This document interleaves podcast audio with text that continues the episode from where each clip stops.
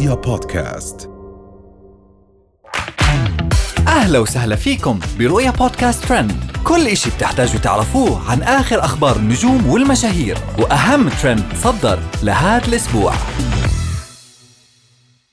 هند القحطاني منهارة بعد ذكرياتها في السعودية. دنيا بطمة تثير الجدل بعد رمي الفلوس عليها. جود عزيز تتعرض للتحرش والمضايقة في السوق. أما أخيرا موقف إنساني للشيخ محمد بن راشد مع طفلة فقدت حصانها. تداول رواد مواقع التواصل الاجتماعي في السعودية والخليج مقطع فيديو جديد لمشهورة ال social media هند القحطاني وهي منهارة وتبكي بسبب ذكرى طلعت لها من أيامها في السعودية. وطلعت هند القحطاني بالفيديو وهي جالسة تسولف وطلع جنبها صورة قديمة طلعت لها من الذكريات وقالت إن الصورة حقتها كانت أول ما وصلت أمريكا وهربت من السعودية. وفي فيديو ثاني لها طلعت وهي تخلي بنتها الصغيرة تفضح ملابسها وهي نازلة من السيارة وقاعدة تصور للملايين اللي عندها على حسابها. ومن هند القحطاني وقصصها راح ننتقل لدنيا بطمة وهبلها. صدرت المغنية والفنانة دنيا بطبة الترند بشكل كبير على منصات التواصل الاجتماعي بشكل كبير بعد ما انتشر فيديو جديد لها مثير للجدل وهي على واحد من المسارح.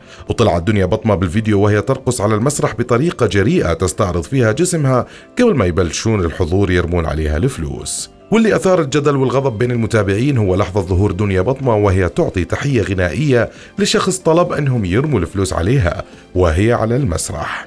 وهالفيديو سبب لها هجوم كبير من المتابعين ورواد ال social media. أما من دنيا بطمة وقصة الفلوس راح نروح لجود عزيز وتعرضها للتحرش. تعرضت الممثلة والموديل جود عزيز إلى المضايقة والتحرش من أحد الأشخاص خلال تواجدها بأحد المولات. وظهرت عزيز في مقطع فيديو كانت جالسة تصور للمتابعين فيه على ال social media وهي تقوم بتصوير مقطع فيديو لها للمتابعين.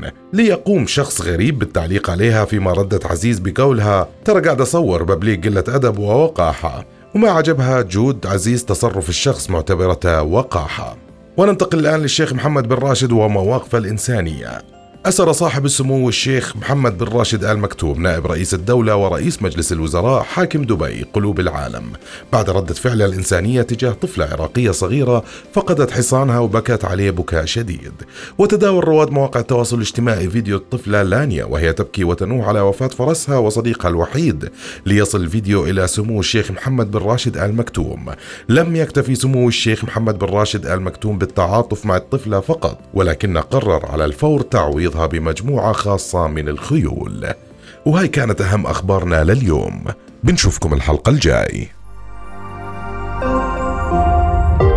رؤيا بودكاست.